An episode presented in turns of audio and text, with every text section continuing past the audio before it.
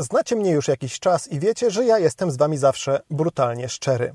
Smutna i brutalna prawda, jeśli chodzi o samochód i jego wykorzystanie w nowoczesnym survivalu, w przygotowaniach na sytuacje awaryjne jest taka. Jeśli uzależniłeś życie, przeżycie albo bezpieczeństwo swojej rodziny od samochodu, to przegrałeś. I ja za moment to udowodnię. Cześć, z tej strony Krzyklis z domowego survivalu, bloga, kanału i podcastu o przygotowaniach i strategiach na sytuacje awaryjne. Samochody są fajne i przydatne. Mówię to do Was siedząc w samochodzie, pod Warszawą, w miejscu, do którego mało wygodnie dojeżdża się komunikacją publiczną. W sytuacji awaryjnej też mają mnóstwo zastosowań. Jeśli pominąć dojazd do centrum miasta w godzinach szczytu, samochód zazwyczaj bywa wygodniejszym środkiem transportu. Całkiem często jest też szybszy i tańszy od komunikacji publicznej. Tańszy zwłaszcza, kiedy jedzie się całą rodziną. Nic więc dziwnego, że wielu Polaków z samochodu korzysta.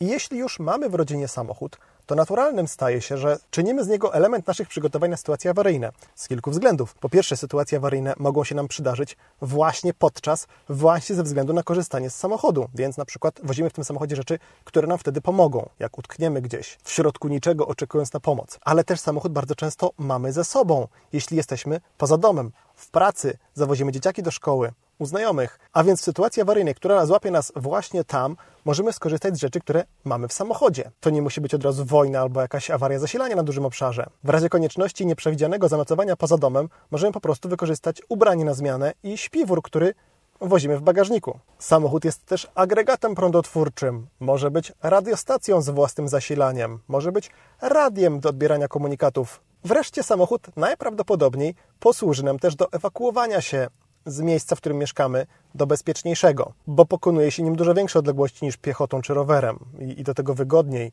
szybciej i w sumie też pod, pod, wieloma względami bezpieczniej. Poza tym w czasie ewakuacji ten samochód możemy wykorzystać jako awaryjne schronienie, po prostu przespać się tutaj. Jeśli nie znajdziemy lepszego miejsca, nie będziemy musieli robić szałasu z gałęzi w środku lasu. Powodzenia w robieniu szałasu z gałęzi sosnowych. Słyszałem, że to jest jakiś satanistyczny znak. Czy to prawda? To wszystko jest zrozumiałe, więc przygotowanie samochodu na sytuacje awaryjne, żeby był możliwie jak najbardziej przydatny w sytuacjach awaryjnych, jest słuszne. I w tym się na przykład mieści robienie zapasu paliwa do samochodu albo wożenie w nim różnych przydatnych rzeczy. To jest słuszne. To, co jednak nie jest słuszne, to uzależnianie swojego życia, swojego bezpieczeństwa i swojego przeżycia od samochodu właśnie. Jeśli w ramach kryzysowych przygotowań osiedlisz się gdzieś na wsi, bo na wsi jest trochę lepiej, nie? Bo w domu jednorodzinnym można zrobić więcej rzeczy niż w bloku w mieście. Ale ten dom zbudujesz tam, gdzie nie ma żadnego innego dojazdu i będziesz zmuszony jeździć na co dzień samochodem. Będzie można tutaj powiedzieć, że bez samochodu to dla ciebie jak bez ręki, to na własne życzenie wprowadzasz się w poważne kłopoty. Jeśli musisz jeździć samochodem codziennie do pracy, albo tylko co trzy dni na zakupy, albo zawozić dzieci do szkoły, albo musisz mieć samochód, żeby w razie czego pojechać do lekarza, to byle co może się dla ciebie stać poważnym problemem. Weźmy na przykład ceny paliwa, nie? Ja sobie to wynotowałem, bo od kiedy jeżdżę samochodem, staram się zapisywać, ile zatankowałem i za ile. Dzięki temu mam super statystyki, jeśli chodzi o spalanie. W październiku 2020 roku kupowałem olej napędowy za 4 34. W październiku 2021 za 4,99, a w październiku zeszłego 2022 za 7,99, co oznacza wzrost o 60% w ostatni rok albo o 84% w dwa, w dwa lata. Kto da nam gwarancję, że za kolejne dwa lata paliwo nie będzie jeszcze o 84 albo więcej procent droższe? Co jeśli wtedy się okaże, że nagle cały ten biznesplan polegający na tym, że jeździsz codziennie samochodem do pracy, przestaje się spinać, przestaje cię być stać na dojazd do pracy. Ale nie tylko ciebie, wszystkich innych. Czy ktoś od ciebie teraz odkupi ten dom w momencie, w którym nikogo nie będzie stać, żeby stamtąd jeździć do miasta do pracy? Jaka będzie wtedy wartość tego domu? Możesz zostać uwięziony w domu przez jakiś taki prosty uraz w rodzaju złamania nogi. Ze złamaną nogą można jeździć autobusem, w sensie być pasażerem autobusu. Nie można prowadzić samochodu, mając złamaną nogę. A co jeśli przez kilka miesięcy nie będziesz mógł jeździć do pracy, bo przez przypadek albo przez przeoczenie, wiadomo, przecież my wszyscy jeździmy zgodnie z przepisami, ale przez przeoczenie przegapisz kilka jakichś ograniczeń, zapomnisz o kilku jakichś niegroźnych przepisach, dostaniesz kilka jakichś sporych mandatów i ostatecznie zostanie Ci zabrane prawo jazdy. Co wtedy? A co jeśli na przykład pogorszy Ci się znacznie wzrok, albo zaczniesz chorować na jakąś chorobę, przez którą nie wolno prowadzić samochodu? Jak Twoja sytuacja będzie wyglądała wtedy? Yy, tragicznie. Nie dość, że na coś chorujesz, to jeszcze nie możesz jeździć do pracy. Mam nadzieję, że masz kogoś w domu, kto będzie mógł cię wozić. Jeśli ewakuujesz się z miasta samochodem i utkniesz tym samochodem w korku, mm, a nie masz innego rozwiązania, możesz tylko czekać na pomoc, aż ktoś cię uratuje, nie wiem, jakiś helikopter przyleci, albo korek cię rozładuje, to co możesz jeszcze zrobić? Możesz porzucić ten samochód i iść dalej piechotą, ryzykując pewnie jakiś mandat, no to nie jest duży problem. Ale czy uda Ci się wyjechać dostatecznie daleko, żeby w razie czego resztę trasy pokonać piechotą? Czy może będziesz pakować w razie ewakuacji na samochód rowery, potem rozpakowywać te rowery, jechać dalej rowerami, a dopiero ostatni fragment, jak już, nie wiem, rowery może też trzeba będzie porzu- porzucić, to jest dopiero ostatni fragment, będziecie szli z rodziną pieszo? No mo można. Na pewno jest to lepsze niż uzależniać swoją ewakuację od samochodu albo może tym samochodem będziesz spychać do rowu, spychać z drogi samochody blokujące ten twój samochód, nie? Ja już się z tego pomysłu kiedyś śmiałem, mówiąc, że to będzie po prostu bardzo drogo kosztować, ale to nie jest jedyny argument. Jak myślisz, jeśli jesteś w korku, stoją przed tobą samochody, ile samochodów musisz zepchnąć do rowu, żeby zatrzymali cię inni kierowcy? Pięć? Siedem? Czy, czy zatem taka strategia w ogóle ma jakąś rację bytu? Nawet nie będę na to pytanie odpowiadał, bo chyba jest to oczywiste. Kiedy studiowałem, miałem taki przedmiot, który nazywał się mechanika płynów. Było tego kilka semestrów, chyba pięć albo więcej nawet. W każdym razie ostatnia mechanika płynów, w którą chodziłem, to była mechanika płynów 5, w skrócie MP5, bardzo fajny skrót. I o jednym z prowadzących ten przedmiot krążyła taka anegdotka, że on kiedyś na, na, na zajęciach opisywał jakiś sposób rozwiązania zadania, Zadanie składało się z jakiegoś równania różniczkowego i metod rozwiązywania równań różniczkowych jest kilka. I czasami nie bardzo wiadomo, która jest najlepsza do zastosowania. I on mówi, wiecie panowie, no bo to była Politechnika, tam prawie byli wyłącznie mężczyźni. Wiecie panowie, życie jest prostsze, kiedy się nie ma wyboru.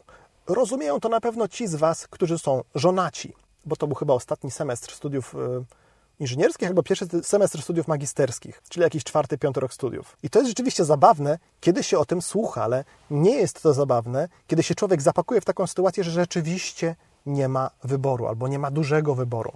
Ja kiedyś mieszkałem na Białołęce, niedaleko trasy S8, znaczy w tej chwili jest tam poprowadzona trasa S8, to było jeszcze przed remontem mostu Grota i ja sobie jeździłem trzy razy w tygodniu, bo pracowałem wtedy w biurze trzy razy w tygodniu, jeździłem sobie trzy razy w tygodniu do pracy samochodem. Pracowałem od 7 do 17. Na 7 nie jeździło się źle, choć jeździłem na Dolnym Okotów, więc kawał drogi, natomiast powroty były tragiczne. I ja nie miałem w zasadzie wielkiego wyboru, bo komunikacja publiczna stamtąd była, no delikatnie mówiąc, taka se. A jeździłem wtedy smartem. Smart palił bardzo mało, więc nie czułem, że robię coś strasznego. Zwłaszcza, że nie jeździłem do pracy codziennie. I, i w korkach stałem w zasadzie tylko po południu. Ale wtedy zrozumiałem, że nigdy w życiu nie chcę mieszkać w Warszawie i pracować w Warszawie tak, żebym był zmuszony do jeżdżenia samochodem. Tak samo, kiedy rozważałem kilkanaście lat temu wyprowadzkę pod Warszawę, budowanie domu pod Warszawą, nigdy nie zakładałem, że będę jeździł do pracy samochodem codziennie, bo po prostu bym ochujał. Bo ja samochodem to sobie pojeździć lubię, ale no na pewno nie chciałbym być od niego uzależniony. Cała budowa strategii przygotowania czy zabezpieczenia się przed skutkami sytuacji awaryjnych właśnie polega na tym, żeby nie być od niczego uzależnionym. I to właśnie byłaby moja rekomendacja. Staraj się mieć wybór. Nie bądź zmuszony do tego, żeby wszędzie jeździć samochodem. I ja rozumiem, masz pełne prawo uważać, że samochód równa się wolność. Rozumiem ten punkt widzenia, ale samochód i brak alternatyw to nie jest wolność, to jest niewolnictwo. Jesteś niewolnikiem samochodu. Szukając miejsca na dom albo kupując mieszkanie, wybieraj takie lokalizacje, gdzie jest dobry transport publiczny, bo to właśnie transport publiczny będzie w przyszłości bardziej rozwijany. Bo w sytuacji, kiedy mamy ograniczoną przestrzeń i ograniczone zasoby, w sensie nie możemy sobie zbudować 150 pasów w każdą stronę, to właśnie transport publiczny jest najbardziej efektywnym sposobem wożenia dużych grup ludzi. Zawsze część będzie jeździć samochodem. Jest taki paradoks, bo także tej części ludzi, którzy muszą, którzy będą musieli jeździć samochodem, jak najbardziej powinno zależeć na promowaniu transportu publicznego. No oni muszą i oni samochodami będą jeździć zawsze, ok?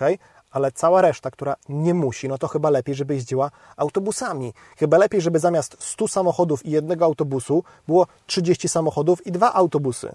A taka sama ilość ludzi. Nie? Poza tym wiecie, z tym bezpieczeństwem, jeśli chodzi o samochody, to tak bywa różnie. No. Na drogach giną jednak głównie kierowcy i pasażerowie samochodów osobowych. Pasażerowie komunikacji publicznej najczęściej giną, wiecie gdzie? W drodze na przystanek albo z przystanku. Zgadnijcie, kto ich tam wtedy zabija. A to też jest niebagatelne ryzyko, bo człowiek się pomyli i potem do końca życia ponosi tego konsekwencje. Na przykład y, nie może spać, bo widzi twarz tego dziecka, które zabił swoim fantastycznym suwem. Może mu się tym suwem fantastycznie jeździło, ale twarz dziecka zobaczył dopiero, kiedy je potrącił, jak leżała na asfalcie. Smutna, brutalna prawda o samochodzie w trudnych czasach jest taka, że on będzie dla ciebie pomocny, będzie dla ciebie przydatny tylko wtedy, kiedy nie będzie jedynym wyjściem, z jakiego możesz skorzystać. Uzależnienie od jednego rozwiązania nigdy nie jest dobre, niezależnie od tego, czy chodzi o źródło wody, źródło żywności, źródło pieniędzy, źródło energii, czy sposób na ewakuowanie się z miasta, albo sposób na dojazd do pracy. Uzależnienie od jednego rozwiązania nigdy nie jest dobre. Mnie nie chodzi o to, żeby was przekonać, żebyście sprzedali samochody i przesiedli się do autobusów.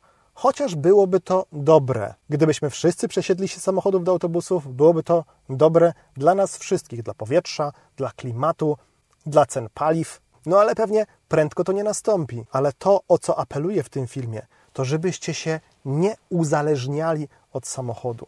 Bo jeśli będziecie od samochodu uzależnieni, to będzie on dla was, dla waszej rodziny gwoździem do trumny. Albo nawet dosłownie trumną.